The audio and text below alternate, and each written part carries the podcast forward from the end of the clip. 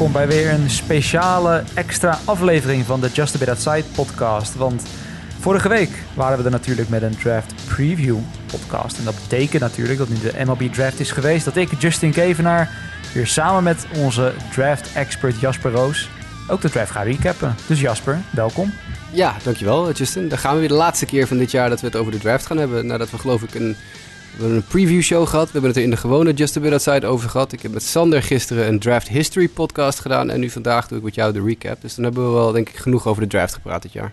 Precies, en dan wordt het vervolgens wachten, wachten, wachten. En uh, dan misschien over drie, vier jaar een beetje de eerste jongens uh, echt misschien grote sterren zien worden. We gaan het zien. In ieder geval, laten we meteen beginnen met nummer 1.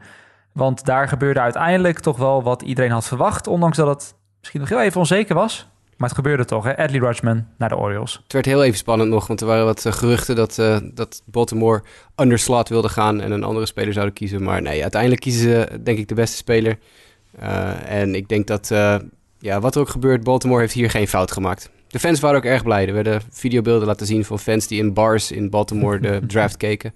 Daar ging iedereen uit, iedereen uit zijn dak, dus dat is terecht. Adley Rutschman is de beste speler in de draft, dus die moet nummer 1 gaan en dat is ook gebeurd.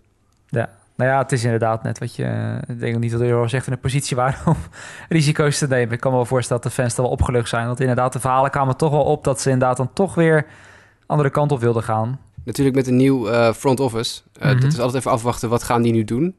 En ik denk dat ze alles met elkaar een hele goede eerste dag hebben gehad. Want ze hebben uh, met Gunnar Henderson en Kyle Stowers... de centerfielder van Stanford... Mm -hmm. hebben ze drie eigenlijk hele goede picks gemaakt met die drie jongens met Adley Rutschman, uh, Henderson en Stowers. Dus uh, het is in ieder geval een heel andere draft dan Baltimore normaal doet. Dit zijn allemaal uh, ja, toch wel redelijke high-upside guys allemaal. Ja, nou ja, het was natuurlijk interessant. Ik ben, ben even de naam nu kwijt van de, van, van de nieuwe jam, maar... Mike Elias. Ja, precies. Nou, natuurlijk verleden bij de Astros. En to toevallig las ik dat bij de Athletic ook, uh, ook van de week... dat hij in dat opzicht natuurlijk wel een ervaringsdeskundig is. Want de Astros hebben nogal wat, wat picks gehad, ook als nummer één. Waarvan de één wat beter uitliep dan de ander, moet er wel bij gezegd worden. Uh, maar goed, ja, met Adley Rutschman kiest hij dan wel, denk ik, te veilig. En uh, op het eerste oog beste optie. Kunnen we denk ik toch ook wel stellen van de nummer twee vervolgens. De Kansas City Royals, toch? Die voor Bobby Witt Jr. gaan. Ja, zoon van Bobby Witt Sr., zoals uh, gemeld in de preview podcast. Ja, dat, was, dat was het, het slechts bewaarde geheim van Amerika. Er, er zijn scouts gestuurd van Kansas City naar alle 39 wedstrijden die Witt Jr. speelde dit jaar. Dus ja, als je naar elke wedstrijd die een speler speelt scout stuurt, dan is er wel iets aan de hand. Ja, of je moet wel heel erg ver willen gaan voor een, uh, voor een smokescreen. Dat zou wel heel erg uh, bijzonder zijn. Maar inderdaad, ja, Bobby Witt Jr. was uiteindelijk ook wel de verwachting. Dan nummer drie, uh, Andrew Vaughn. Nou ja, Chicago White Sox. Wat vind je ervan? Ja, ben ik wel over te spreken op zich. Andrew Vaughn is de beste slagman door veel scouts genoemd van, van college. Misschien wel van Amerika, van, van de, de amateur area. Uh, Eric Burns van MLB Network, de voormalige outfielder, zei: He's the best college hitter I've ever seen. En Eric Burns kan daar wel iets over zeggen, want hij kijkt uh, voor uh, MLB Network eigenlijk alle, en voor ESPN, alle Pac-12 wedstrijden waar hij commentaar bij, bij levert. En Cal, waar mm. Vaughn vandaan komt, speelt in de Pac-12. Dus als er oh. iemand iets kan zeggen over deze jongen, is het Eric Burns wel. Jim Callis van MLB.com noemde hem one of, the, one of the greatest hitters in college history. Uh, kortom, ja, dit is de beste slagman die er in de draft zat. Dus uh, als je ook naar die, die uh, statistieken van hem kijkt van de laatste paar jaar, is absurd. Het enige wat hij natuurlijk als nadeel heeft, is dat het een eerste hoekman is die maar 6 voet groot is. 5 voet 11 wordt er zelfs gezegd, maar laten we positief zijn en zeggen 6 voet. Dat is natuurlijk een beetje klein als je een rechtshandige eerste honken powerhitter bent. Maar ja, als, als Jeff Passan zegt ook van ESPN, zegt Andrew Vaughn is a phenomenal hitter, best in the draft, arguably the best college hitter since Chris Bryant. Nou ja, goed, als je de beste college hitter sinds Chris Bryant genoemd wordt, dan kan je wel een beetje slaan. Dus ik denk dat dat wel een uh, te verdedigen keuze was. Ja. ja, en ik zit ook te denken, het, hele gedoe met, uh, met lengte en hoe groot je moet zijn. Ik denk, denk vooral dat uh, de recente successen van Jose Altuve, Christian Jelic, oké, andere, andere posities, maar dat wel even laten zien dat je niet per se meer vierkant gebouwd hoeft te zijn en 6'5 om flink wat ballen over de hekken te slaan. Maar ik ben benieuwd hoe, hoe Andrew van zich uiteindelijk gaan ontwikkelen. Hij is wel de speler die het snelst in de majors te verwachten is, zoals het er nu naar mm. uitziet. Het is iemand die in principe volgend jaar, halverwege volgend jaar, uh, klaar kan zijn voor, uh, voor een profdebuut. Ah, ah.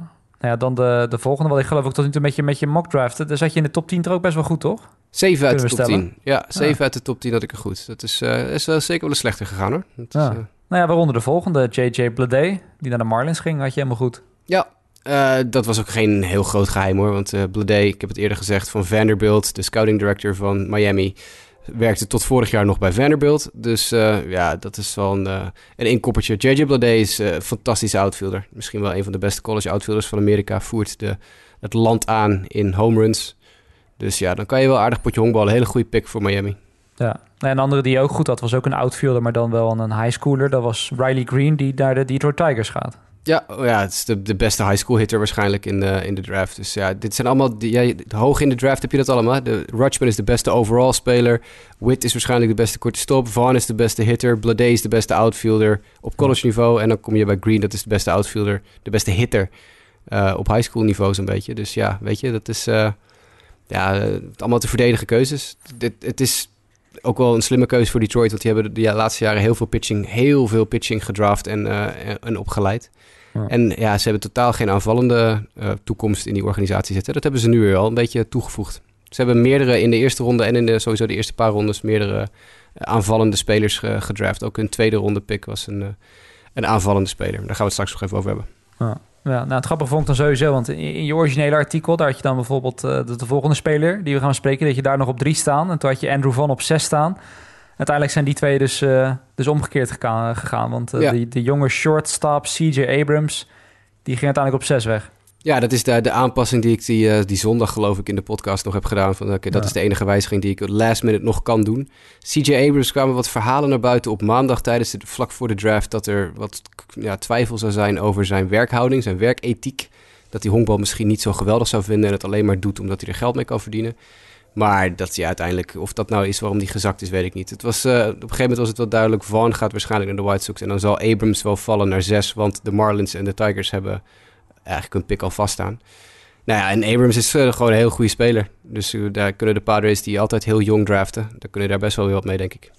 Ja, ja precies. Ja, wat anders is dan die, de pick die de Cincinnati Reds deden op 7. Die, die, die kiezen daar dan vooral voor, voor de degelijkheid, toch, denk ik? Met Nicola Dolo, de werper. Ja, eerste werper van de draft. Voor het eerst in de geschiedenis dat, dat er zes veldspelers op plek 1 tot en met 6 gingen en pas een pitcher op 7. Was ook de enige pitcher uit de top 10, verrassend genoeg. Want de andere die mogelijk in de top 10 zou gaan, Elk Manoa, ging uiteindelijk op 11. Dus we hebben ja. maar één, één werper in de top 10. Dat is echt uh, absurd weinig. Ja, en Lodolo is uh, ja, uh, high floor, low ceiling guy. Wel echt een goede pitcher, maar niet een, een ace of zo. Nee, en dan op 8 kunnen we daar stellen dat het dan een heel klein beetje verrassend begint te worden. Of niet zozeer verrassend, maar... Ja, ik had deze helemaal niet goed gelopen. nou ja, bijvoorbeeld. Ja, nou ja, die pick inderdaad. Josh Young hebben we dan over naar de Texas Rangers. Uh, de local kid, als ik het dan zo zie. Ja, ja. Ja, komt het. Uh, speelt in Texas inderdaad, bij Texas Tech. Dus uh, ja, nee, die had ik echt helemaal niet goed. Uh, ik had wel toevallig de Rangers een derde honkman toegeschreven, namelijk Brad Beatty. ja. dus ik had wel vermoeden dat ze daar voor die positie zouden gaan. Alleen, ja, het werd niet Beatty, maar het werd Young. Ze wilde iemand heeft... die iets ouder was, blijkbaar. ja, en waarschijnlijk heeft dat met geld te maken ook. Want Young is een senior en die kan wat makkelijker, uh, uh, kan er wat geld bespaard worden op hem. Hij is wel een heel goede speler natuurlijk hoor. Ik bedoel, hij had, ik kreeg vlak voor de draft had hij wat helium, waardoor hij uh, wat omhoog schoot. heb, ik heb nog wat tweets eruit gestuurd op die maandag van let op, Young, Young en Langeliers gaan stijgen in de draft. Nou, dat is ook gebeurd. Mm -hmm. um, ja, Young is gewoon een, een heel goede derde honkman. Ja. Nee, je zegt het al meteen. Je maakt zelf een bruggetje eigenlijk in met Shea Langelier de, de, de catcher. Toevallig, ik zag het van de week inderdaad, want met, met een schuin oog ook mede door jou uh, toedoen, volg ik dan een beetje de uh, NCAA uh, Super Regionals hè, die nu bezig zijn voor, de, voor het college baseball. En dan zag ik dat Shea Langelier het best wel goed doet. Heeft het dan misschien wat effect gehad, denk je, dat hij nu als negende naar de Atlanta Braves gaat? Absoluut. Ja, hij heeft een paar fantastische weken doorgemaakt. Hij heeft eerder in het jaar zijn handmade bone gebroken. Dus dan is er altijd even een vraag van hoe ver, hoe snel komt die power weer terug? Nou, bij Langeliers is dat vrij snel gebeurd. Die had van de week een wedstrijd met 11 RBI's. Dus die, uh, die kan wel een aardig potje ballen. Ja, het is de beste defensieve catcher van de laatste tien jaar zo'n beetje in de, in de draft. Als je zijn defense plus zijn, uh, ja, zijn arm en, en zijn knuppel bij elkaar is eigenlijk een heel goed totaalplaatje. Ja, Rutschman is dan net een betere catcher. Maar als Rutschman er niet geweest was, was Langeliers waarschijnlijk de beste catcher geweest in deze draft. Dus ja, dit is uh, een potentiële franchise catcher voor de Braves. Die natuurlijk met Javi Lopez en Brian McCann best wel goede ervaringen hebben met catchers die ze voor lange tijd aan zich kunnen binden. Langeliers heeft wel alles, ja, alles eraan wat, wat een topper kan worden. Hmm. Nou, ik ben, ben benieuwd. En dat top 10 werd uh, afgemaakt door de San Francisco Giants. Die natuurlijk op een punt zitten dat ze denk ik wel alles kunnen gebruiken. Maar kan je dan stellen dat ze met Hunter Bishop misschien een lichte stiel hebben? Ja, ik had Hunter Bishop één of twee plaatsen eerder in de draft uh, voorspeld. Omdat het gewoon misschien wel na J.J. Blade waarschijnlijk de beste outfielder in de draft is. Um, maar blijkbaar waren er andere teams die geïnteresseerd waren in andere spelers. Dus dan valt hij naar de, naar de San Francisco Giants. En ja, die kunnen echt iedere vorm van hulp in de minors wel gebruiken. Want die, uh, dat, is, dat minor league systeem is geloof ik 29ste uit 30 op dit moment.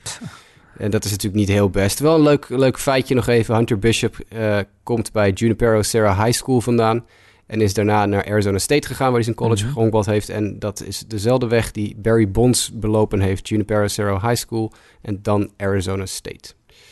Dus dat is dan wel weer een geinige link. Trouwens, nog even kort over de Braves. Ik, uh, dat is heel stom daar weer even terug te springen, maar het schoot me nog even iets te binnen. Die heb ik die, voor de rest, Langeliers vind ik een goede pick. Voor de rest vind ik dat ze echt heel rare dingen hebben gedaan met, uh, met, met hun picks. Want ze hebben twee enorme reaches gehad. Uh, wat betreft uh, Braden Shoemaker en Bo Phillip. Vooral Bo Phillip, dat sloeg echt mm. helemaal nergens op. Die stond krap in de top 200 van MLB.com. Ja, ik wil net zeggen dat dat waren ook niet echt twee namen. Want natuurlijk, de meeste namen die ken ik dan puur omdat jij ze even had, had gedropt. Maar dat waren echt twee namen die ik voorbij gekomen en ik dacht, hmm, oké. Ja, nee. Nou ja, Bo Phillip die, die werd als 60ste gekozen door Atlanta. En die was nummer 195 in de MLB.com top 200. Dus dat, dat, mm. ja, daar snap ik helemaal niks van. Dat is, maar goed, dat is een heel ander verhaal. San Francisco met Hunter Bishop, die hebben een, uh, inderdaad een steal binnen. Dat is zeker waar. Ja. ja, wat betreft de Braves misschien toch altijd een beetje zo'n gevalletje dat, uh, dat ze er toch uh, verliefd op zijn geworden als het ware. En dan bang zijn dat één ander team hetzelfde heeft. En dan ga je wel eens gekke, gekke dingen doen. Maar uh, dan eerst nog op 11. De Toronto Blue Jays die gingen voor Alec Manoa van West Virginia. Goeie werper? Beer van een kerel vooral. 1,98 meter, weegt 100, 118, 120 kilo. Echt een gigant. Ik zie het inderdaad, ja, zo. Ik heb, uh, ik heb van de week eventjes een, uh, wat, uh, wat regionals zitten kijken. en daar speelde West Virginia een echt een kraker van een wedstrijd. Die verloren ze uiteindelijk na een walk-off Grand Slam. Wat wel echt fantastisch was om te zien. Maar Alec Manoa, die gooide niet in die wedstrijd, maar... Ik kan me ook wel voorstellen dat, dat deze jongen zijn houding, hoe hij zich gedraagt in de dugout, heel veel teams aanspreekt. Want dit is echt een aanvoerder. Dit is een captain, dit is een leider. Dit is een jongen die ontzettend veel plezier heeft in het spelletje. Die ook uh, ontzettend goed met zijn coaches om kan gaan. Ik zie hier ook wel echt een serieuze, echt alleen al een ster in vanwege hoe hij zich gedraagt. Want hoe hij zich op televisie ook gedroeg en met zijn coaches. En dat zag er allemaal uh, gewoon heel erg professioneel en goed uit. Dus Alec Manoa, dat, uh, als hij een beetje kan gooien, wordt dat wel een leuke, denk ik. Ja. Nou ja, en vooral ook natuurlijk dan, dan benieuwd wat, wat zo'n pitching staff met hem kan. Want ik lees dan wel, zoveel starts heeft hij niet gemaakt. Dat hij toch ook vooral veel als als reliever is, uh, is gebruikt. Dus nou, het is aan de Blue Jays om, om al die potentie die er misschien in zit. Uh, ja, hij kan, wel, hij kan wel starten hoor. Hij is, hij is echt wel. Ja, uh, precies, dat de zeker wel. paar maanden wel echt serieus laten zien dat hij, dat hij het uithoudingsvermogen heeft. Fastball van dik in de 90, van bij de 65, 97 in de buurt. Met, met uitstapjes naar 100. Dus ja, die jongen die kan wel starten. Ja, en dan een van jouw, jouw darlings, Brad Beatty. Hij ging dus niet in de top 10, maar gaat op 12 naar de New York Mets. Ja, grappig, want toen hij jong was speelde hij voor een Texaans uh, uh, gelegenheidsteam. En dat waren dan de Mets. Dus hij is uh, van de Mets uit zijn jeugd naar de Mets, bij de, de prof Mets uitgekomen. Ja, Bailey is iets, ik, ik schreef in mijn stuk ook van hij gaat ergens tussen de 8 en, en 28 waarschijnlijk. Nou, hij zit er bijna middenin, 12, min of meer. Uh, het punt is bij Beatty eigenlijk, dat ik zei dat in de podcast vorige keer, hij is 19,5 jaar oud. En dan speel je dus als high schooler, als 19,5 jaar ah, oude high schooler, ja, tegen jongens die gewoon twee jaar jonger zijn dan jij. Ja, dan zijn je statistieken waarschijnlijk altijd... Hij is eigenlijk gewoon een college speler. Hij is bijna 20. Dus hij heeft de leeftijd ja. van een college speler, maar speelt tegen high schoolers. Dus er zijn flink wat teams die hebben zoiets gehad van, nou, het ziet er allemaal heel mooi uit, maar we kunnen zijn statistieken bijvoorbeeld niet beoordelen, want hij speelt gewoon mm. tegen competitie die veel minder oud is dan hij. Dus dat is het enige wat, uh, wat, uh, waarom hij waarschijnlijk iets gezakt is. Ik vind het een fantastische swing, Brad Beatty's swing. Ik kan er enorm van genieten. Het is ook een hele leuke gast. Hij was in de studio bij MLB Network tijdens de draft. Is een leuke jongen. Uh, goede, goede, vlotte babbel. En ja, was ook een van de, geloof vier namen die commissioner Rob Manfred verhaspelde. Want die man die kan werkelijk waar helemaal... Dat wat, uh, wat, wat, maakt hij er dan van? Brit, Brit, Brit Beatty, geloof ik. Brit, Brit Bodie, iets in die geest. Bodie. Hij, heeft, hij verbetert zichzelf wel, maar ja, hij, hij, maakt, hij maakt ook inderdaad Nick, Nick Lodello of zo. Hij maakte van Nick Lodolo, maakte die Nick Lodello. En hij heeft Josh Young heeft hij verklooid. En er was er nog eentje die ik even vergeten ben. In, in de top 15 zat hij er vier keer naast. Dat is echt... Hmm dan denk ik dat als je werk doet, vraag even aan iemand hoe spreek ik het uit. Maar dat ja. uh, vooruit maar. Ja, bijzonder. Nee, maar daarom, nu nu net zegt inderdaad, want ik zei dan net wel van, nou, misschien de Rangers die wilden met Young net een iets oudere derde honkman. Maar het, het, zit hem echt puur dan misschien in de ervaring. Want inderdaad, in leeftijd schelen zeg maar een jaartje, Beatty en, uh, ja. en Young. Dus dat is wel Het is puur inderdaad de, de, ervaring van tegen, tegen beter... of tegen je leeftijdsgenoten gespeeld hebben. En, en Beatty heeft gewoon al jaren niet tegen zijn leeftijdsgenoten gespeeld. Ja. Dan op 13, en dan lees ik hier, was uh, 13 werd door de Minnesota Twins de eerste speler van de East Lake High School in Chula Vista gekozen. En de laatste keer dat iemand uit de eerste ronde van die high school werd gekozen was Adrian Gonzalez. In dit geval Kionike Vaco. Ja, ook een aardig ballonnetje helium eh, binnengeslikt nog even vlak voor de draft blijkbaar. Want die is ook flink wat plekken omhoog geschoten op het allerlaatste moment. Uh, ja, het is een goede speler. Ik vind hem moeilijk om te beoordelen. Ik heb wat, wat video van hem gekeken en het is allemaal uh, ja, heel degelijk. Uh, hij heeft als voordeel dat hij heel veel korte stop is gaan spelen de laatste paar maanden. En dus ook daar uit de voeten kan. Dus hij is eigenlijk een derde honkman slash korte stop. Dus ja, ik ben, uh, ik ben wel uh, op zich wel benieuwd hoe hij zich gaat ontwikkelen. Hij is nog jong, high schooler. Wel weer interessant om te zien dat Minnesota dus met een tweede pick op de eerste dag Matt Walner kiezen. De outfielder van Southern Mississippi. Mm -hmm. Die, die 23 homeruns sloeg dit jaar in college. En waaronder een heel belangrijke in de regionals vorige week dat vind ik dan wel weer een, een, eigenlijk een leukere pick. Ik snap wel dat ze hem niet in de eerste ronde hebben gekozen, maar ik vind Matt Warner misschien nog wel een leukere speler dan Keone Cavaco. Maar dat is ook omdat hij iets meer, ja, we hebben iets meer gezien van Warner. College is altijd meer, daar weet je meer van dan van die high school jongens. Ja. Nou ja, dit is inderdaad denk ik een beetje punt in de draft. Dat zie je dan volgens ook een beetje aan de keuzes. Waar sommige teams toch een beetje meer lijken te, te gokken op potentie en, en, en, wat er, ja, wat misschien wat onbekender is, maar waardoor de plafond misschien ook wat hoger ligt. En dat misschien teams als de Phillies, die dan als veertiende gaan, uh, weer misschien een, ja, voor zover over een veilige keuze kan spreken. Dan een iets veiligere keuze toch maken met Bryson Stad. Ja, heel veilige keuze inderdaad. Uh, Bryson Stad wordt geen superster, denk ik. Ja, ik bedoel, hè? je weet het nooit. Ja, kijk uit. maar uh, nee, maar dat is, het is wel een, een, jongen die absoluut de Major League gaat halen, kan halen. En daar gewoon een heel erg solide speler in kan worden. Maar hij, hij heeft niet, hij heeft een beetje een swing waar wat, wat probleempjes mee zijn nog, dat, waar ze hem even mee om te sleutelen en zo. Maar het is wel gewoon echt een heel goede speler. Korte stop van uh, University of Nevada, Las Vegas. Ja. ja. wij hadden geen idee wat de Phillies gingen doen uh, vorige week, dus dat is, uh, dat is gebleken. Ik dacht dat, ik, dat hij een pitcher ging, ging kiezen, maar het werd een veldspeler. Ja. Nou, ik zie ook bij MLB.com vergelijken ze hem dan met, met Brandon Crawford. En dat is denk ik een beetje het stereotype voor ja. een ja, een degelijke korte degelijke. Je, team wordt er niet per se slechter van. Maar hij gaat je team ook niet uh, even de, de play-offs doorloodsen bij ze van. Of nee. überhaupt heen loodsen. Maar dat hebben we natuurlijk in die goede jaren van de Giants gezien. Als er uh, goede, goede spelers omheen staan, dan is Brandon Crawford een prima kort stop. Ja hoor, en die heeft ook geloof ik één of twee All-Star Games of zo gehaald. Dus die kans ja. is bij Stad er ook wel op zich, denk ik. Ja, dan staat er nog bij, he, he looks like him as well. Nou ja, of dat dan uh, ook op uiterlijk of dat van belang is, dat moeten we dan maar bezien. Ja, ook, ook lang haar geloof ik, ja. Ja, precies precies. Nou ja, goed. En dan op 15. De Los Angeles Angels waren natuurlijk ooit uh, heel erg succesvol in het midden van die eerste ronde met ene Mike Trout. Nou, dat gebeurt natuurlijk eens in een uh, decade, zou je misschien wel kunnen stellen. Ditmaal gaan zij ook voor een korte stop, namelijk Will Wilson. Ja, ik dacht wel korte stop. Maar ik dacht Bryson Stott naar de Angels. En die ging dus net één pick eerder naar de Phillies. Dus hoewel ik wel goed had dat ze waarschijnlijk een korte stop zouden draften... werd het Will Wilson en niet Bryson Stott. Will Wilson is uh, ja, dezelfde, categorie als Stott. Het zijn twee heel vergelijkbare spelers. Doen, doen heel veel goed, doen niets heel slecht... maar blinken nergens in uit. Nou, Mooi. Hopelijk uh, pak het goed uit voor de, voor de Angels. Hebben ze toch ooit een opvolger voor Andrelton Simmons? Uh, nou ja, en sterker nog, misschien al vooruitkijkend daarnaar. Ze hebben meteen ook een tweede korte stop uh, gedraft. Want ze hebben in de eerste ronde Will Wilson. In de tweede ronde hebben ze Kyron Paris gedraft. Mm. En dat is wel even nog een jong om uh, een leuk feitje. Dat is de jongste speler die dit jaar gedraft is. Van alle 1300 nog wat spelers die gedraft zijn. Kyron Paris is 17 en een beetje, geloof ik. Mm. Uit Californië.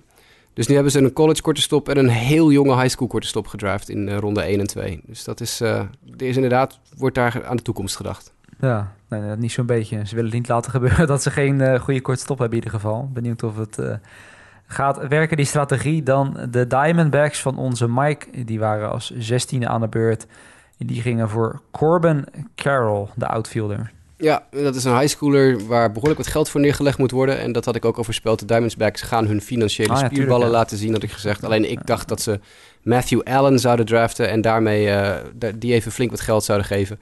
Maar er werd vlak voor de draft duidelijk dat Matthew Allen geen interesse heeft om de profs in te gaan. Zelfs niet voor een grote bonus. Hij wil naar college.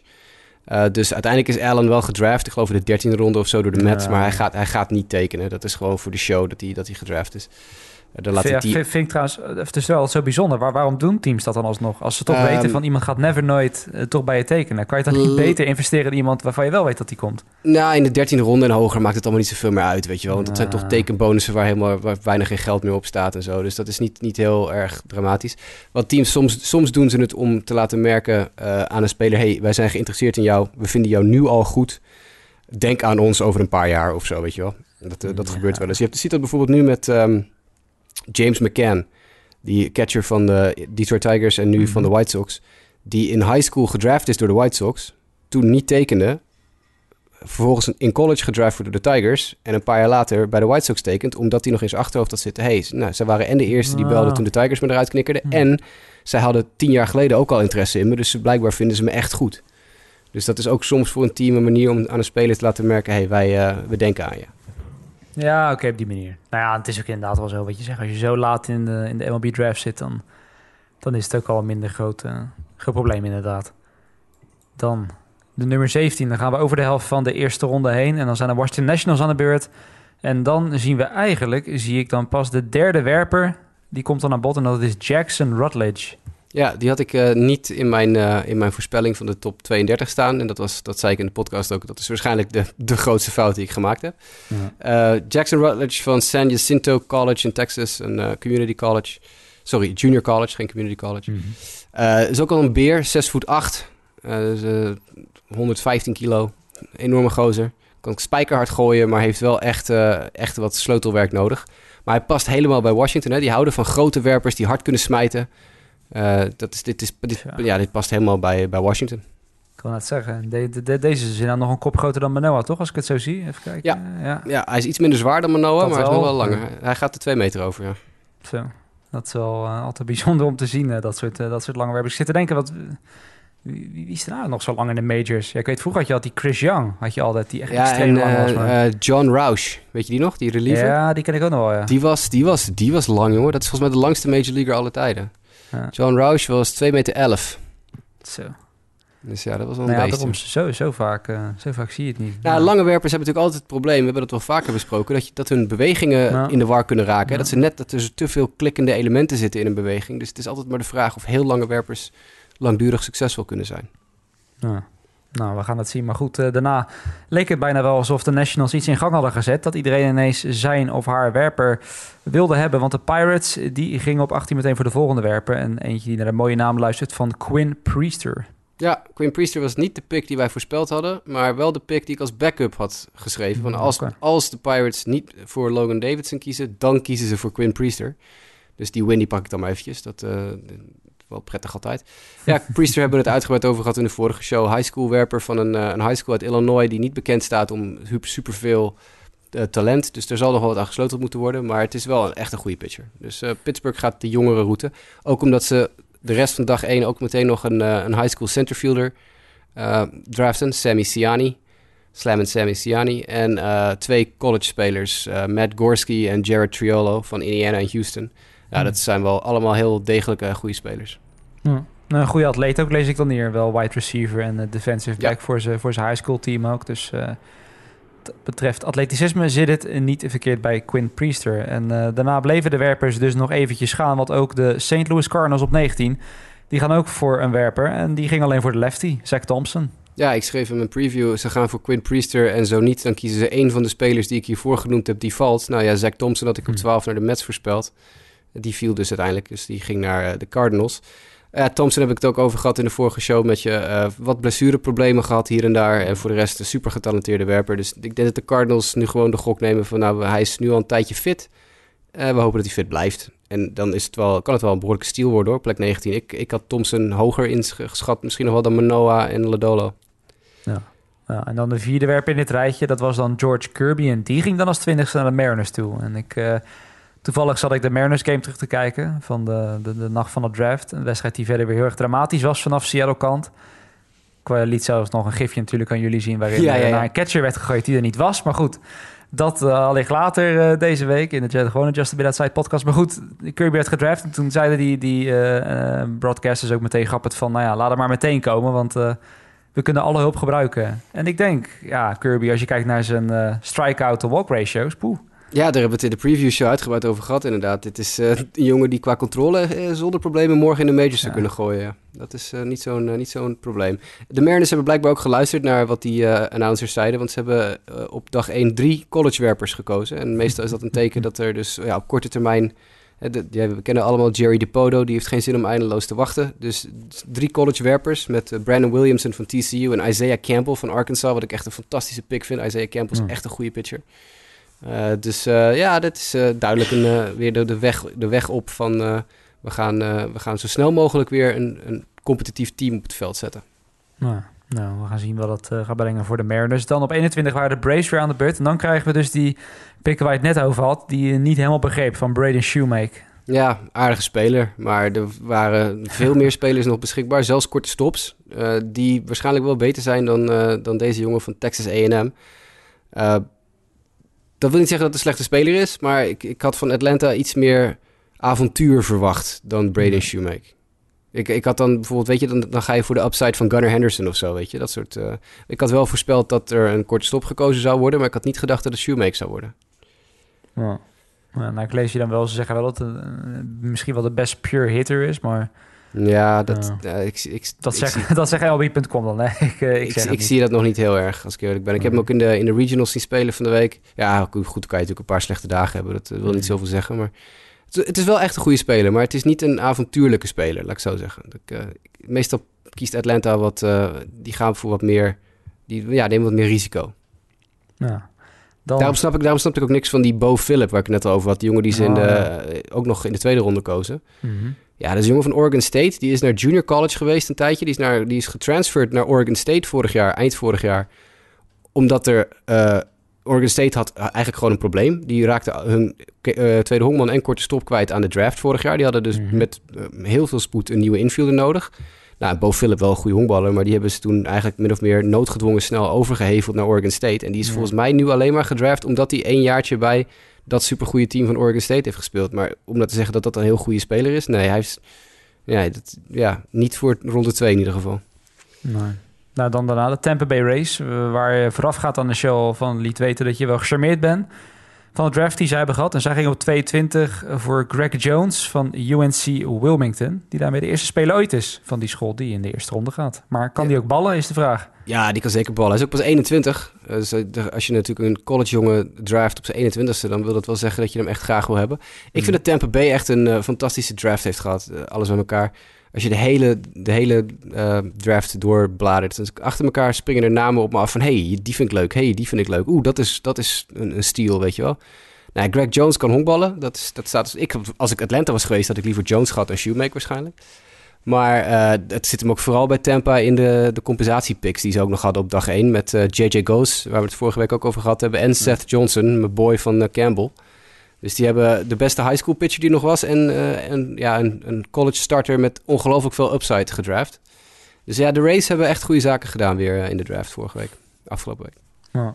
Dan 23, Colorado Rockies. En op zich vind ik het dan wel ironisch. Dit wist ik trouwens niet voordat we bij deze pick aankwamen. Maar hier dus wel een gevalletje van een speler die dus Even kijken, in 2016 werd hij in de 35ste ronde gekozen, de Rockies. Toen ging hij naar UCLA toe, toe. En nu wordt Michael Tsaklia dan in de eerste ronde gekozen, de Colorado Rockies. Dus uh, ze zijn hem daadwerkelijk niet vergeten. Zo graag wilden ze hem. Nee, maar dat is op zo'n moment, wie weet, ik weet niet waar hij voor gaat tekenen uiteindelijk, wat zijn bonus wordt. Maar het zou dus best kunnen zijn dat hij nu dusdanige warme gevoelens van de Colorado-organisatie heeft, dat hij zegt, nou weet je wat, als jullie nog een paar honderdduizend dollar korting willen hebben, dan, uh, dan, krijg je dat. Ja, ik had eh, Michael Toglia niet in de eerste ronde voorspeld, maar die had een fantastische regional in de week voorafgaand aan de draft. Die speelde echt fabelachtig. Echt een slugger. En dat is een switch hitter ook nog. Eerste Hongman switch hitter. Ja, dat past natuurlijk bij, bij de Rockies. Die hebben dat, uh, dat, dat, dat, dat, stadion waar de ballen uitvliegen als je een beetje kan hitten. En Toglia speelde heel erg goed in de regionals. Dus ook weer een jongen die heel snel door de minors heen kan gaan, denk ik. Ja. Nou ja, dan ben wel benieuwd hoe hij daar doorheen gaat komen. Want nu zijn ze nog een beetje zoeken hè, met, met die jonge gasten Garrett Hampson, Ryan McMahon... die toch allemaal niet die stap hebben kunnen maken. Uh, maar als die allemaal nog de stap kunnen maken en Tokler komt erbij, dan uh, poeh. Ja hoor. Dat uh, wordt een prachtig infield. Dan op 24, onze, nou ja, ik wil zeggen onze boy... maar het is vooral omdat we er nogal toen nadrukkelijk naar hebben gekeken... naar Daniel Espino en zijn pitching motion... en alles wat daarin voorkomt, al dan niet, van de Georgia Premier Academy... De Indians die hebben uiteindelijk op 24 gedacht van... nou, wij durven dat wel aan. Ja, ik uh, ja, geef ze geen ongelijk. Ze hebben natuurlijk vooral op, op het succes van ruwe pitching die uitgroeit tot sterren gedreven de laatste paar jaar. Met Corey Kluber die de eerste paar jaar van zijn carrière geen bal over de plaat kon gooien. Met Mike Clevenger die twee jaar geleden uit het niets ineens leert hoe hij moet pitchen. Met Trevor Bauer die natuurlijk wel als supergroot talent van de Diamondbacks kwam. Maar die nog echt wel heeft moeten sleutelen aan zijn ja, aan zijn delivery voordat hij uitgroeide tot de jongen die hij nu is, de pitcher die hij nu is. Mhm. Ja, Espino is zo'nzelfde verhaal. We hebben hem uitgebreid besproken, jij en ik, dat zijn beweging moet nog flink wat aangesleuteld worden. Maar wie weet kunnen ze dat bij Cleveland wel. Het, het, lijkt wel te signaleren dat de Indians aan het voorbereiden zijn op een echt een lange rebuild-periode nu. Want dit is een jonge jongen waar nog heel veel aan gedaan moet worden. Dus uh, het is niet zo dat ze denken van we moeten volgend jaar er weer staan. Ja. Wat toch wel bijzonder is, want er zitten dan nog wel zeker uh, jongens in die kern. Uh, Oké, okay, Ramirez wat minder jaar, Lindor titel denk ik niet zo zin hebben in een rebuild, maar... Uh, nou, Lindor is al over gezegd dat, hij niet, dat de Indians hem geen contract gaan aanbieden. Hij gaat weg. Ze hebben gezegd, de, de, de chairman van de Indians heeft gezegd... je moet ervan genieten zolang het kan. Want we gaan hem geen, miljoenen, geen, geen tienjarige miljoenen deal aanbieden. Nou, zijn contract is na dit jaar op. Damn, Dus het kan zomaar zijn dat Lindor na dit jaar weg is. En dat zou betekenen dat als Lindor weggaat... dan is er natuurlijk een... nee, dan, dan, komt, dan, dan komt de rebuild, dan is de rebuild aan, zeg maar. Precies, want dan wil ook uh, de, de, de rest wat daar zit wel een beetje van waarde is. Die hebt dan zoiets van, nou, uh, Precies. onze ster weg, dan wil ik ook weg. Oh. Gaan het zien. Dan nog 25. Je, niet, je liet de naam net al even vallen. Cody Hoos. Gaat hij naar de Los Angeles Dodgers? Ja, ik dacht dat de Dodgers Espino zouden doen, maar ja, whatever. Die is dus net weg. Uh, ik had Cody Hoos naar de, naar de Cubs voorspeld, maar ja, dit is de ja, goede derde hoeman. Uh, blijkbaar hebben ze in LA daar behoefte aan. Uh, ook Hoos is iemand die niet super lang in de minors hoeft rond te wandelen waarschijnlijk. Dus misschien de natuurlijke opvolger van Justin Turner. dan 26 Diamondbacks. Tweede keer aan slag en gaan dit keer voor Blake Walston. Vond ik wel een opvallende pick. Het is wel weer, past weer in het plaatje wat ik al gezegd heb. De financiële spierballen, de hoge bonusjongens. Uh, Arizona had natuurlijk vreselijk veel geld uit te geven. Dus dan kan je wat risico's nemen in deze draft. Waar bijvoorbeeld wel de college pitching wat beter was ook dan... Sorry, de high school pitching beter mhm. was dan de college pitching.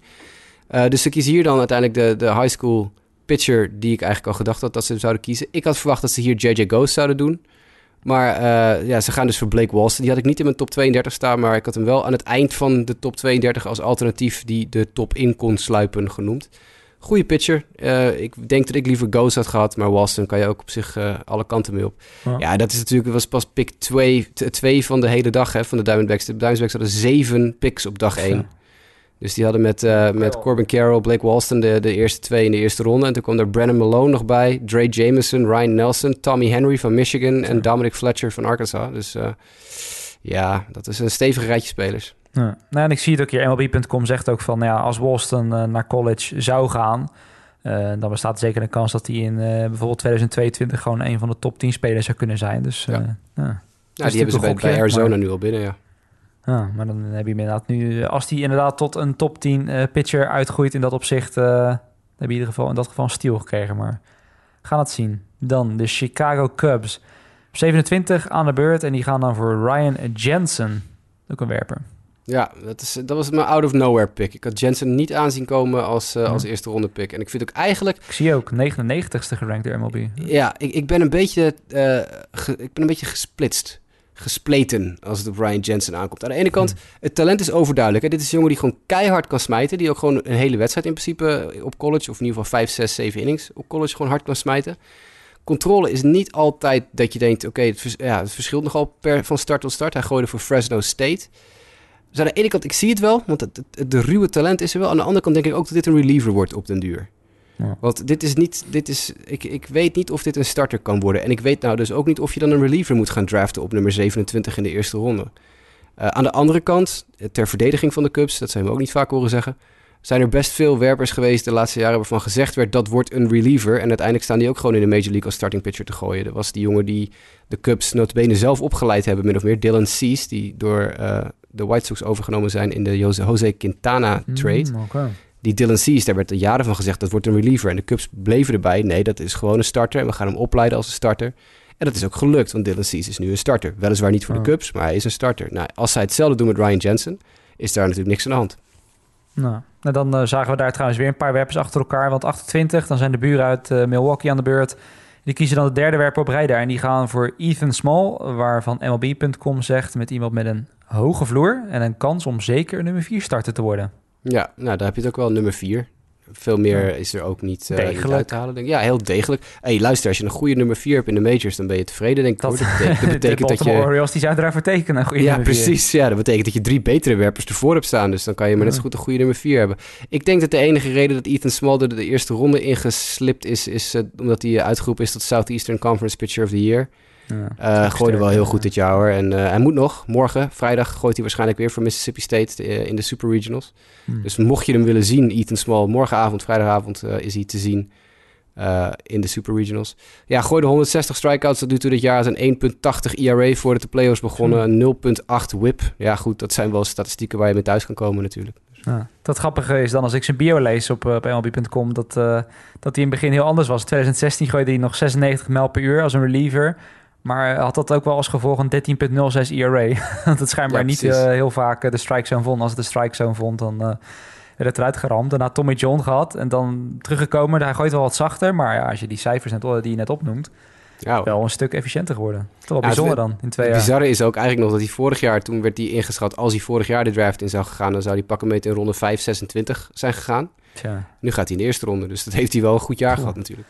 Ja, dat, uh, dat heeft hij inderdaad goed aangepakt, meneer Ethan Small. Toen waren er nog vier picks te gaan de eerste ronde. En de Oakland Athletics waren toen aan de beurt.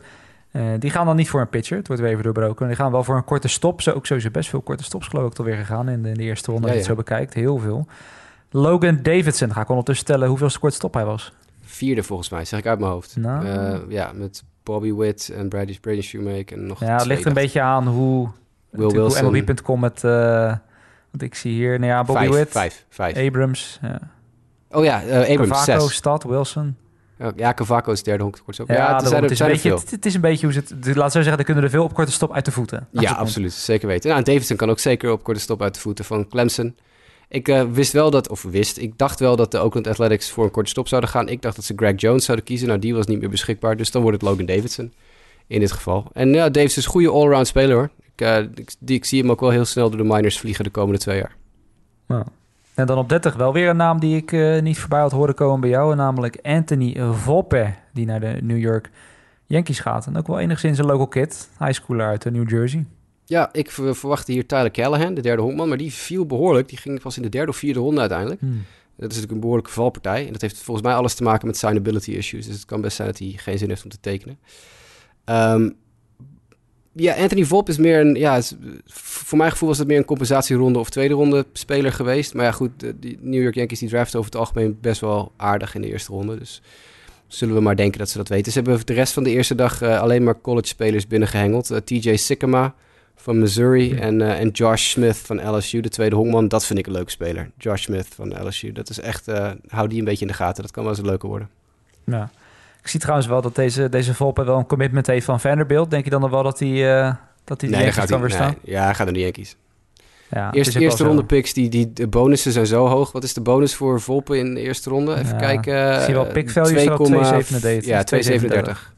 Dus ja, die gaat echt wel tekenen hoor. Als je 2,4 miljoen kan vangen om te gaan honkballen, dat, al die jongens die, die pakken dat. De eerste ronde, die gaan, dat is bijna nooit. Dat ze ja, en misschien, ik weet niet uh, waar, uh, waar Volpe vroeger fan van was, maar als je uit New Jersey komt en de Yankees draft je, dan kan daar misschien ja. ook nog wat, uh, dat kan zeker. wat sentiment bij zitten. En ik zie ook hier, hij kreeg wel een 80 op de scouting scale voor his make-up en work ethic. Ja, nou ja, dat is behoorlijk. Ik weet als Jimmy hier was, dan zou hij nu een woordgrap maken over hoe goed zijn mascara dan is die op heeft. Maar, Inderdaad. In ieder geval harde werker.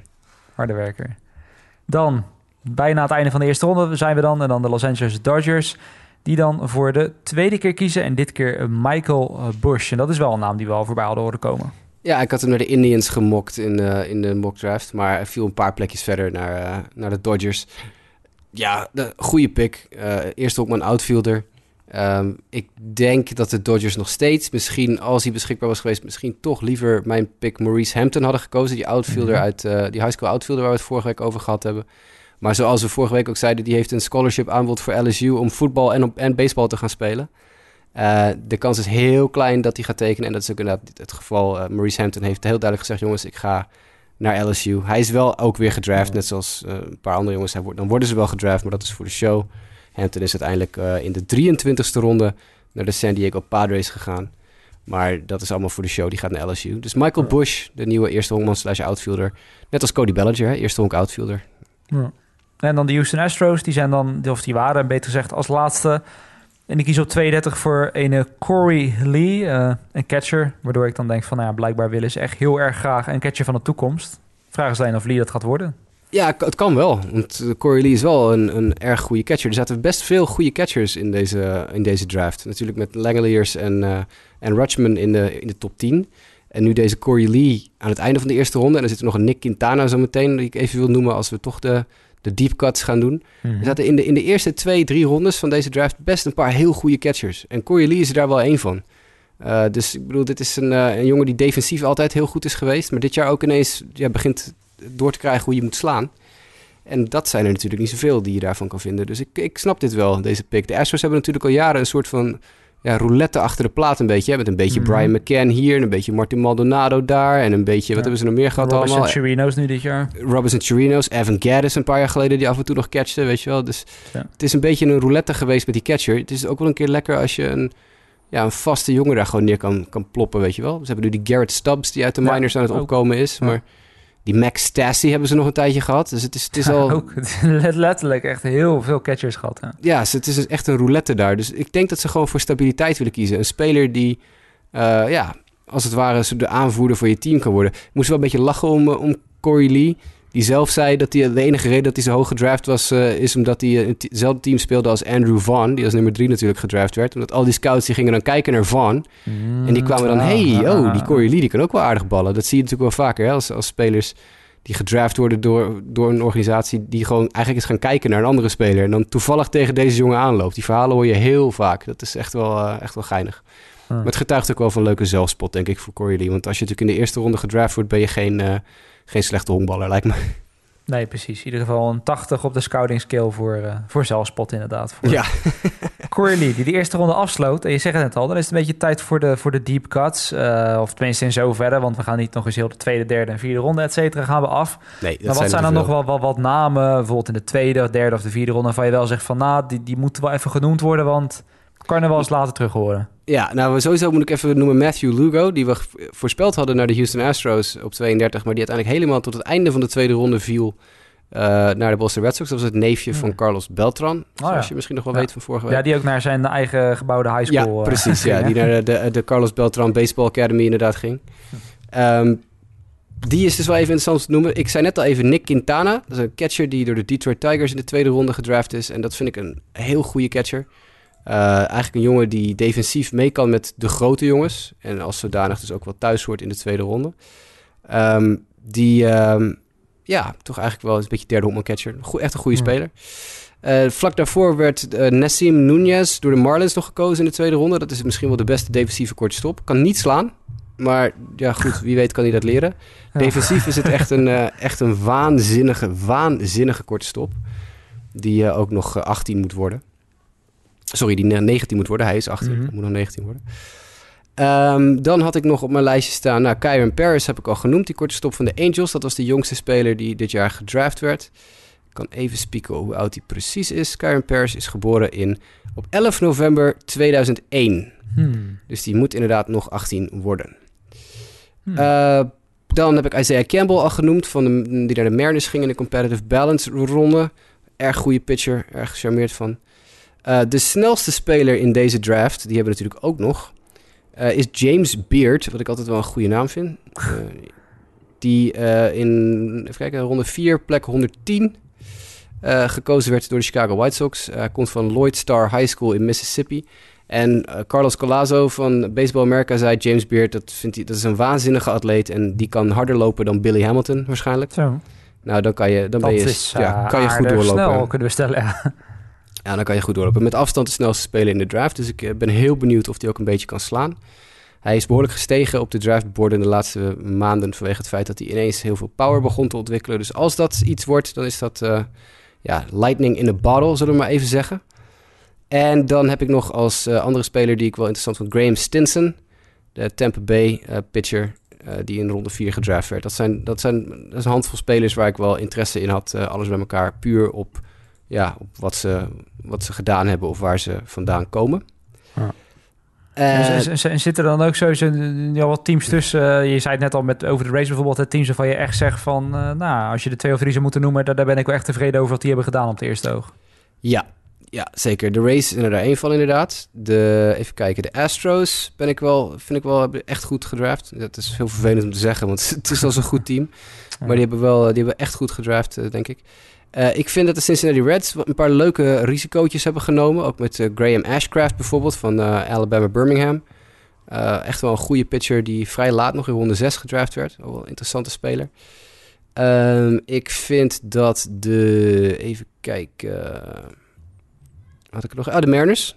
Vind ik ook dat ze goed gedraft hebben. Er zitten een paar interessante toch spelers een keer tussen. iets positiefs. Ja, ja, want ik vind George Kirby een goede pitcher, maar ook die jongens daarna. Dus die Brandon Williamson van TCU is goed. Isaiah Campbell van Arkansas is goed. Eh, Austin Shenton van Florida International is een interessante slagman. Er zitten nog wel wat leuke bij. Ehm, even kijken. Ik vind de Mets vind ik dat ze niet zo goed gedraft hebben. Ja, dat kan ook. Ik wil net zeggen, ook teams waarvan je echt denkt van... Man, Ja, man, man, die nou lopen doen? Ja, omdat ik Brad Beatty natuurlijk wel een hele leuke eh, speler vind voor een eerste ronde pick. Maar daar zit nog wel een klein beetje risico aan vast. En dan vervolgens je derde ronde pick besteden aan Matthew Allen, die waarschijnlijk niet gaat tekenen. Dat vind ik dan ook een Hmm. beetje zonde, want dan moet je dan geen derde ronde naar, eh, aan besteden. En dan kom je nog bij andere spelers, dan kom je bij, bij allemaal wat obscuurdere namen die uit, uit obscuurdere eh, scholen komen. Northwestern State uit Louisiana en zo. En, en ja, dat, soort, dat zijn scholen waar nou niet echt superveel talent vandaan komt over het algemeen. Ja, iemand moet de eerste zijn, hè? Nee, Van dat is, dat is absoluut waar. Maar ik, ja, ik vind dat zij niet zo heel erg goed gedraft hebben. Dat vind ik ook van de Indians. Die hebben ook een beetje low, low upside eh, lopen draften. Natuurlijk met de Espino wel heel hoog upside. Maar daarna zijn ze veel meer op zeker gaan spelen. Wel veel highschoolers. De eerste vier picks van de Indians waren highschoolers.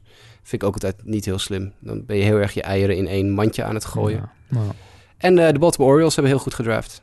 Vind ik echt. Die hebben echt heel goed gedraft. ja. En, en die kunnen het sowieso wel gebruiken, kunnen we wel stellen. Ja. Ja, en dat is allemaal even uit mijn hoofd. Ik bedoel, voor hetzelfde geld komt er morgen iemand in mijn mentje en zegt... Oh, maar de Giants hebben ook vet... Oh nee, de Giants hebben ook niet zo heel goed gedraft. Slecht, slecht voorbeeld. Hey Nick, je hoeft het niet te proberen. Eh, even kijken. Oh, eh, de Rangers. Dat vind ik ook wel aardig wat die gedaan hebben. Met eh, Josh Young vind ik wel een leuke pick. Hmm. Maar ook Davis Wenzel van Baylor. Ook een derde hoekman die ze in de tweede... Of in de, in de competitive balance round kozen. Ja. Ook echt wel een goede speler. En dan hebben, die hebben zich heel erg gestort op, op college. De eerste vier picks waren college. En dan komen pas de highschoolers.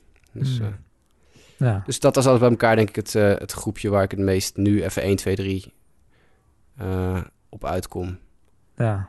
ja, dan hebben we ook nog eh, natuurlijk, ook zoals elk jaar, want dan, dan ga je een beetje die lijstjes afstrijden. Want zo'n MLB draft, ja, duurt 40 rondes. En dan gebeurt het wel eens dat er wat, ja, wel wat namen tussen staan waarvan je denkt van, hmm, dat is bijzonder. We hebben er even vijf opgezocht. We hebben eh, in de achtste ronde naar Colorado ging Jacob Kostichok. En ik vond de achternaam Kostichok wel, eh, ja, wel interessant. Eh, werper van Arkansas. Ehm, we hebben nog Michael Limoncelli. Wat ik een, ja, ik weet niet of je van limoncello houdt. Maar ja, ik, dat vind ik zeker lekker, ja. Ja, ik ook. Ja, ik ben ook wel, ik hou er ook wel van. Maar Michael Limoncelli is in de zesde ronde naar de Seattle Mariners gegaan van Horseheads High School in New York. Wat ik ook dan wel weer een mooie, mooie high Ja, school de, naam de high school is bijna nog mooier dan, eh wauw. Ja, inderdaad, ja. Dus eh, dat is een, een, een- ja, een, een goede hit. Maverick eh, Handley. Die jongen heet Maverick van zijn voornaam en Handley van zijn achternaam. Dat vind ik ook wel leuk, Maverick.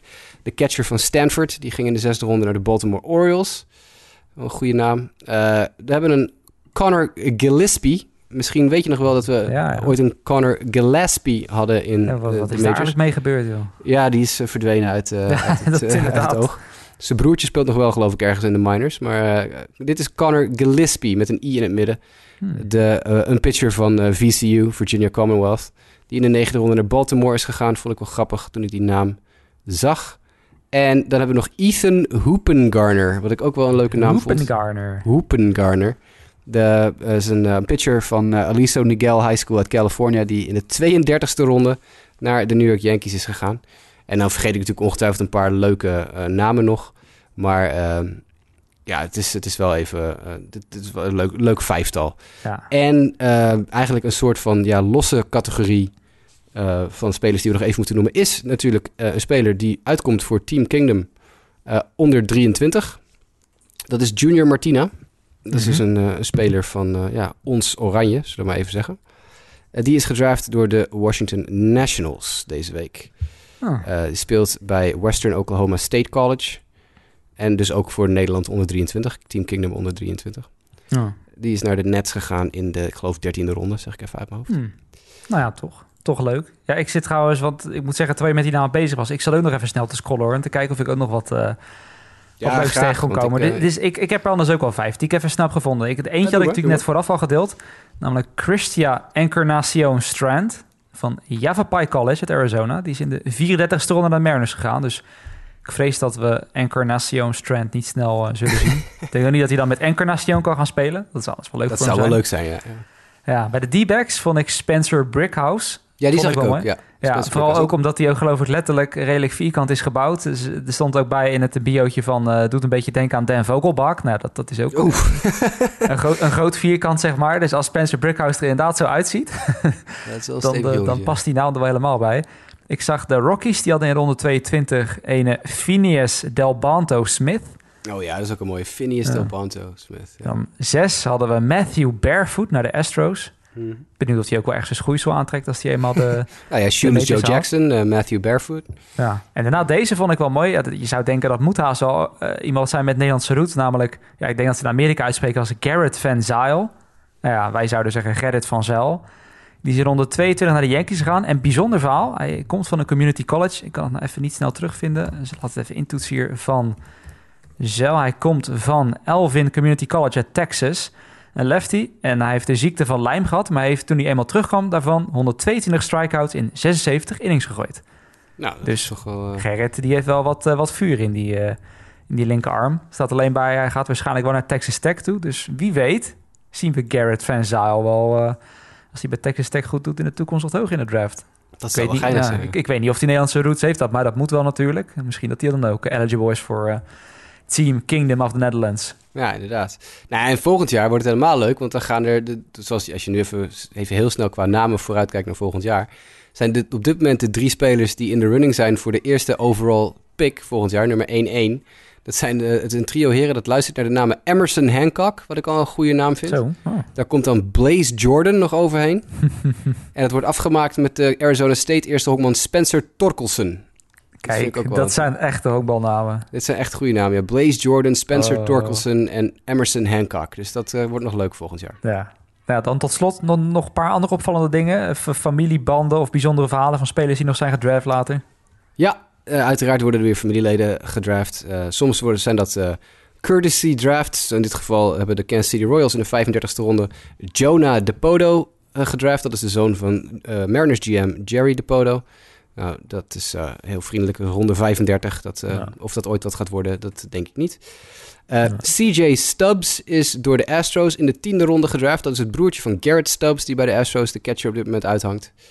Eh, Nick Pachorek is in de zevende ronde door de Yankees gedraft. Dat is het neefje van Tom Pachorek, John Pachorek en Jim Pachorek uiteraard. Hmm. Dat zijn de, de drie major leaguers. Dat zijn zijn ooms. Die hebben alle drie in de majors goede carrières gehad. Dus Nick Pachorek gaat nu de volgende zijn die een poging gaat wagen. Eh, Jake Randa is eh, de, door de Washington Nationals in de dertiende ronde. is de zoon van eh, Kansas City Royal legende Joe Randa. Glenn Allen Hill Jr., de zoon van Glenn Allen Hill Sr., is door Arizona in de vierde ronde gedraft. Nou, natuurlijk Bobby Witt Jr. is eh, de, de zoon van Bobby Witt Sr., dat is ook een ex-major leaguer. En het mooiste verhaal, of mooiste verhaal, het opvallendste verhaal komt eh, van eh, Christian Cairo. Dat is de zoon van Miguel Cairo, die je Mhm. Ongetwijfeld nog kan herinneren. De ja, backup infielder voor heel veel teams. Ja. Tijd gaat snel dan ineens, hè? Ja, dat is, ja, dat is ook wel schokkend hoor, wat dat betreft. Ehm, Miguel Cairo's zoon Christian Cairo, die had een commitment aan LSU, Louisiana State University. Eh, is daar ook, eh, heeft gezegd, jongens, ik kom naar jullie. Ik, eh, die draft, dat kan me gestolen worden. Ik, ik ga voor LSU honkballen. En zoals de coach dan een beetje ja, nors en gefrustreerd op internet vertelde... van de week, in, of gisteren in een filmpje... Dus ja, hij was hier met zijn ouders en zijn moeder was aan het huilen, want die was zo gelukkig dat er zoon naar college ging. En ik had hem de rondleiding al gegeven en hij had zijn kamer al gezien en zijn bed al gezien. En we hadden dit al gedaan en dat al gedaan. En hij zat bij onze academic advisor, had hij al plannen gemaakt voor de summer classes. Hij had zich al ingeschreven voor al Hmm. zijn bijlessen en dat soort dingen. En terwijl hij aan het praten is met de coach, krijgt hij een telefoontje van de Cleveland Indians dat ze hem in de vierde ronde gaan draften. En binnen vijf minuten zegt Christian Cairo, sorry coach, ik ga toch de profs in. En eh, daar was de coach van LSU uiteraard eh, wit heet over. Ja. Nou is het aan de ene kant, ja, jammer dan, weet je. Dit, je weet dat dit kan gebeuren als, je, als je een commitment hebt van een speler. Dat wil niet zeggen dat hij het ook daadwerkelijk gaat doen. Maar Mhm. in dit geval is het natuurlijk ook wel extra zuur... dat alles al geregeld was voor hem. Hij had al een kamer, had zijn boeken al, hij was al ingeschreven voor zijn klasses. En uiteindelijk besluit hij toch om voor het geld van de vierde ronde van de Cleveland Indians te kiezen. Dus Christian Cairo gaat bij de Indians honkballen. Ja. Ja, en dan zit ik nog te, nog te denken. eh, iemand die we dan ook nog zeker niet moeten vergeten is, is nog het eh eerbetoon aan eh, Roy Halladay natuurlijk. Wiens, Oh ja, eh, natuurlijk, ja. wiens- De- wie, wie, zoon Braden Halladay bedenk me ineens. Eh, de 32 was het hè? 132. Ronde Als- 32, want Roy Halladay zijn eh, jersey number was eh, nummer 32. Dus eh, als, als eerbetoon aan Roy Halladay hebben de Blue Jays inderdaad zijn zoon gedraft in ronde 32. Die had ik nog eh, niet op mijn lijstje staan. Ja. Nou ja, goed. Daarom ben is grappig, want ik heb hem wel getweet van de week, dat feitje. Maar ik vergeet ik hem op mijn lijstje te zetten. Ja. Nee, maar dat mooie, eh, ja, mooie eerbetoon van de Toronto Blue Jays in dat punt eh, van het draft. En dan wil ik zeggen dat we er bijna zijn, maar we hadden geloof ik nog wel een vraag binnengekregen via, via Twitter over de, over de draft. Yep, van Frank Metsenmakers. En die luidt. Oh, le- le- lees ik hem voor? Oké. ik heb hem niet voor me, ja, dus jij mag het doen. Ik, eh, is goed, dan lees ik hem voor. Eh, dat was wel een heel interessant, inter- interessante vraag, vond ik, eh, van, van Frank. Mhm. Want hij koppelt natuurlijk ook weer een beetje de, de vraag aan wat we al eerder gehad hebben. Want ik heb toevallig eerder deze week ook alweer een vraag gehad over ja, hoe het dan zit met de MLB. Iemand vroeg aan mij, eh, is het niet gek dat de draft in het midden van het seizoen gehouden wordt? Als, terwijl de college seizoen nog bezig is en zo. Is dat, nou goed, daar kunnen we dan even over praten. Maar Frank Metsenmakers die stuurde op... In de NFL is de impact van de draft meteen merkbaar en meetbaar in de prestaties van het team. Maar waar meet je nou het succes van een goede MLB-draft aan af? En hoe lang duurt het voordat je echt kunt zeggen of een team een goede draft heeft gehad? Of kan dit wellicht nooit echt helemaal? Nou, dat is natuurlijk een heel mooie vraag, want dat geeft gelijk de kern, de essentie van de MLB-draft weer. De MLB-draft drijft inderdaad veel meer dan de NFL-draft en de NBA-draft eh, in zekere mate op, op hoop. Kijk, Ja. spelers worden gedraft en niet alleen die spelers hopen het ooit te gaan maken, maar de teams hopen natuurlijk ook dat zoveel mogelijk spelers uiteindelijk de, nuttig in de majors worden of in ieder geval iets op kunnen leveren. Alleen, net als bij honkbal, als je bij honkbal drie keer uit de tien keer succesvol bent, heb je een goede carrière. Eh, het is bij de draft ook zo. Als je één of twee uit de tien spelers die je draft echt hit, ja, dan heb je gewoon een fantastische draft gedraaid. Ja. Dus het afmeten van succes van de MLB-draft, wij doen dat eigenlijk niet. We kunnen wel zeggen, kijk, ik zei net, ja, de Astros hebben goed gedraft en de, Orioles hebben goed gedraft. Dat heeft allemaal met persoonlijke voorkeuren te maken. Ja, teams draften uit persoonlijke voorkeur. Ik kijk naar een team en ik denk, oh, die speler vind ik leuk. Oh, die heb ik zien spelen en daar geloof ik wel in. Oh, dat heb ik, die heb ik op YouTube gezien en dat vind ik mooi om naar te kijken. Dus het is eigenlijk, in deze fase is het echt ja, koffiedik kijken. Het is echt gokken van, ja, oké, ja, is het een goede draft? Weten wij veel. Dat kunnen we inderdaad over vijf, zes, zeven jaar pas echt gaan beoordelen. Alleen voor nu, ja, als ik kijk naar de spelers die gedraft worden. Kijk, net zo goed als die, die Braden Shoemake van de Braves. Ik, ik ben er niet zo weg van. Zul je altijd zien dat hij over vijf jaar in de All-Star Game staat. Ja, dan kun je toch zeggen dat de, Dra- de Braves een goede keuze hebben gemaakt op dat moment. Dus dat is een beetje het hele punt met die MLB-draft. Je kan succes van een MLB-draft pas afmeten als...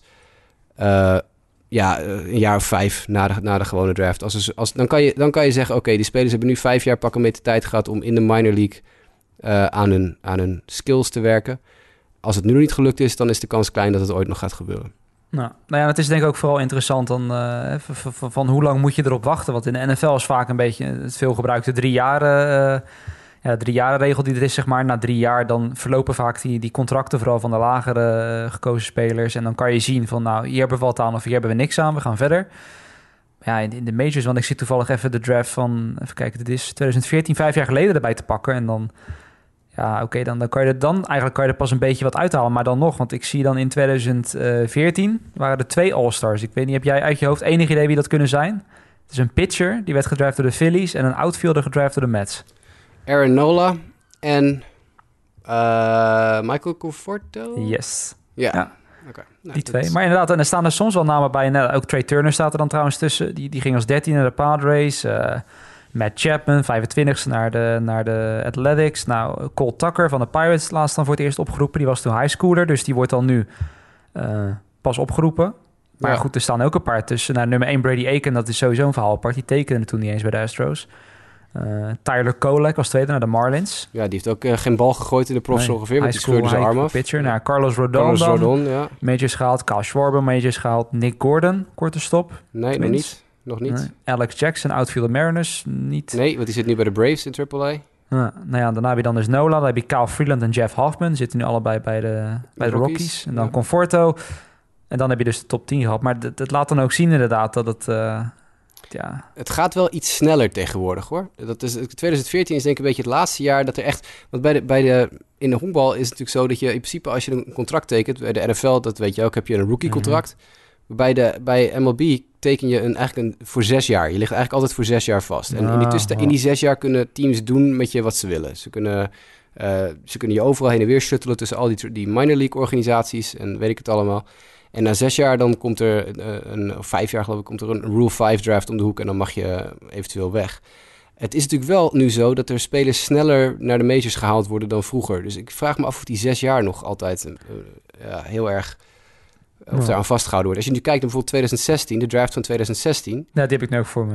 Ja, daar zitten twee jongens uit de top 10 zitten in de majors. Dat zijn. Nick Senzel en Kel Quantrill. Ik geloof dat Kel Quantrill alweer teruggestuurd is naar Triple A. die ja, heeft precies. al Maar toch, hij heeft al gegooid. Uh, en voor de rest eigenlijk helemaal niet. En is er maar eentje die er tegenaan zit ook nog. Dat is Forrest Whitley van de Astros. Ja. Maar die is geschorst geweest vanwege doping.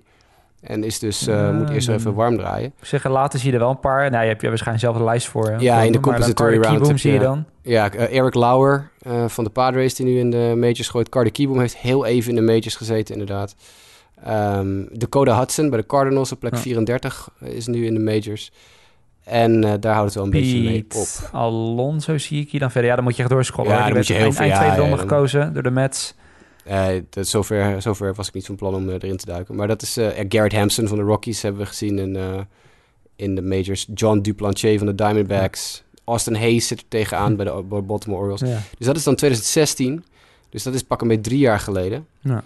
Dus dan, het gaat wel iets, iets sneller. Ja. Maar En Adley, Adley Rutschman trouwens is dan grappig detail. Die werd toen in de 40ste ronde nog gekozen door de Mariners. Maar die waren Klopt, nu helaas niet in positie om eh, nee, nee. de tweede maal eh, te nemen. En ook Stijn van der Meer dat jaar in de 34ste Klopt, ronde. ja, nu, ja, eh, ja, ja. Kort stop Ja, bij Neptunus. Gedraft door de Astros toen. Sterker nog, als je, als je... Ja, toen speelde hij volgens mij high school in... in eh, Eh, Lamar zie ik. Ja.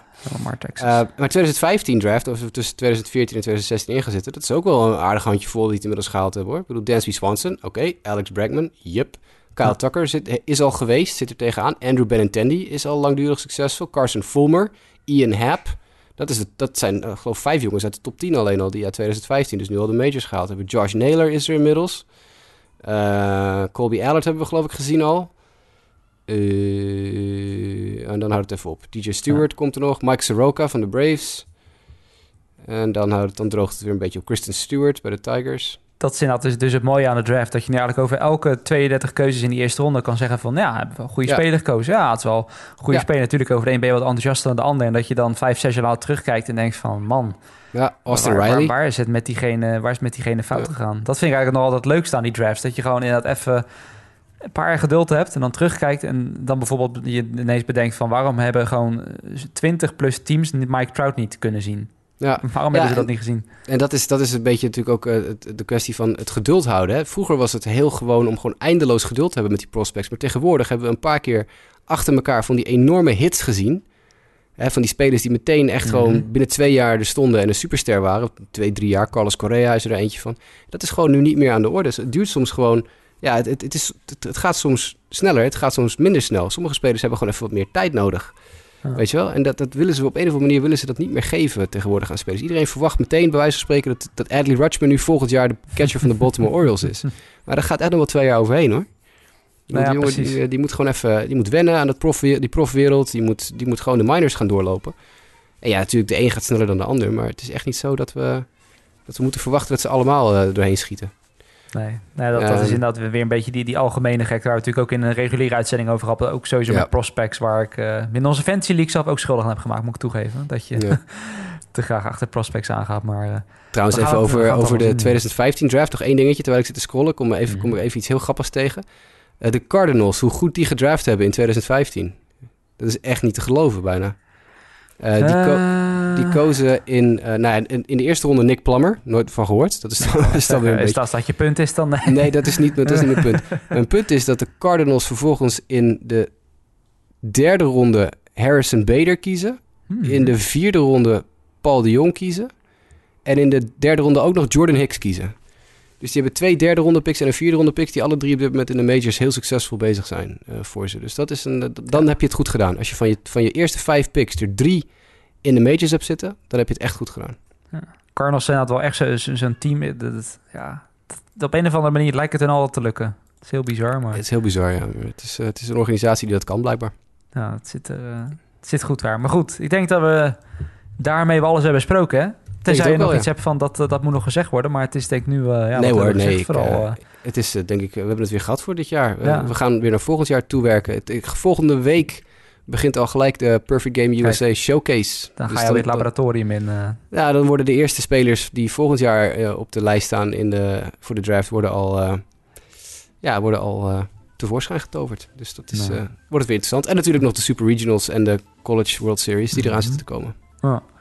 En daarnaast is ook van de week weer een uh, gewone Just a Bit Outside podcast. En voor de rest, ja, deze podcast vooral opslaan. En ze willen zeggen tegen alle honkballiefhebbers... laat hem uh, vijf, zes jaar bewaren en dan gaan terugluisteren. En uh, dan kunnen jullie lekker smakelijk lachen om enkele goede ja. bevindingen... die we hier hebben gedaan, maar ook enkele missers... die wij ook niet aan zagen komen. Maar dat, dat blijft uiteindelijk de draft. Het blijft een crapshoot.